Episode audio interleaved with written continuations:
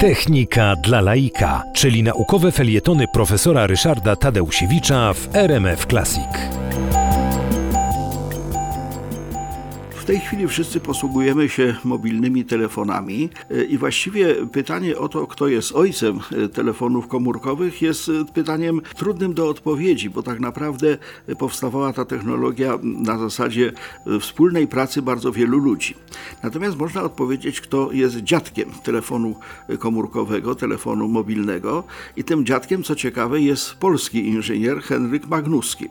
Mianowicie on zbudował pierwszy naprawdę przenośny telefon mobilny, którego używano w czasie II wojny światowej, zwłaszcza w czasie słynnej inwazji w, w Normandii, e, lądowania, tak zwany D-Day.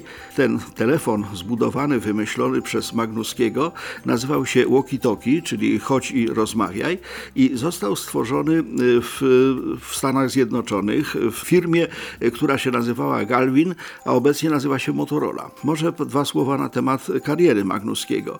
On ukończył Politechnikę Warszawską, potem pracował w państwowych zakładach tele i radiotechnicznych i w 1939 roku służbowo go wysłano do Stanów Zjednoczonych. Stąd znalazł się po drugiej stronie oceanu, gdy wybuchła straszna wojna.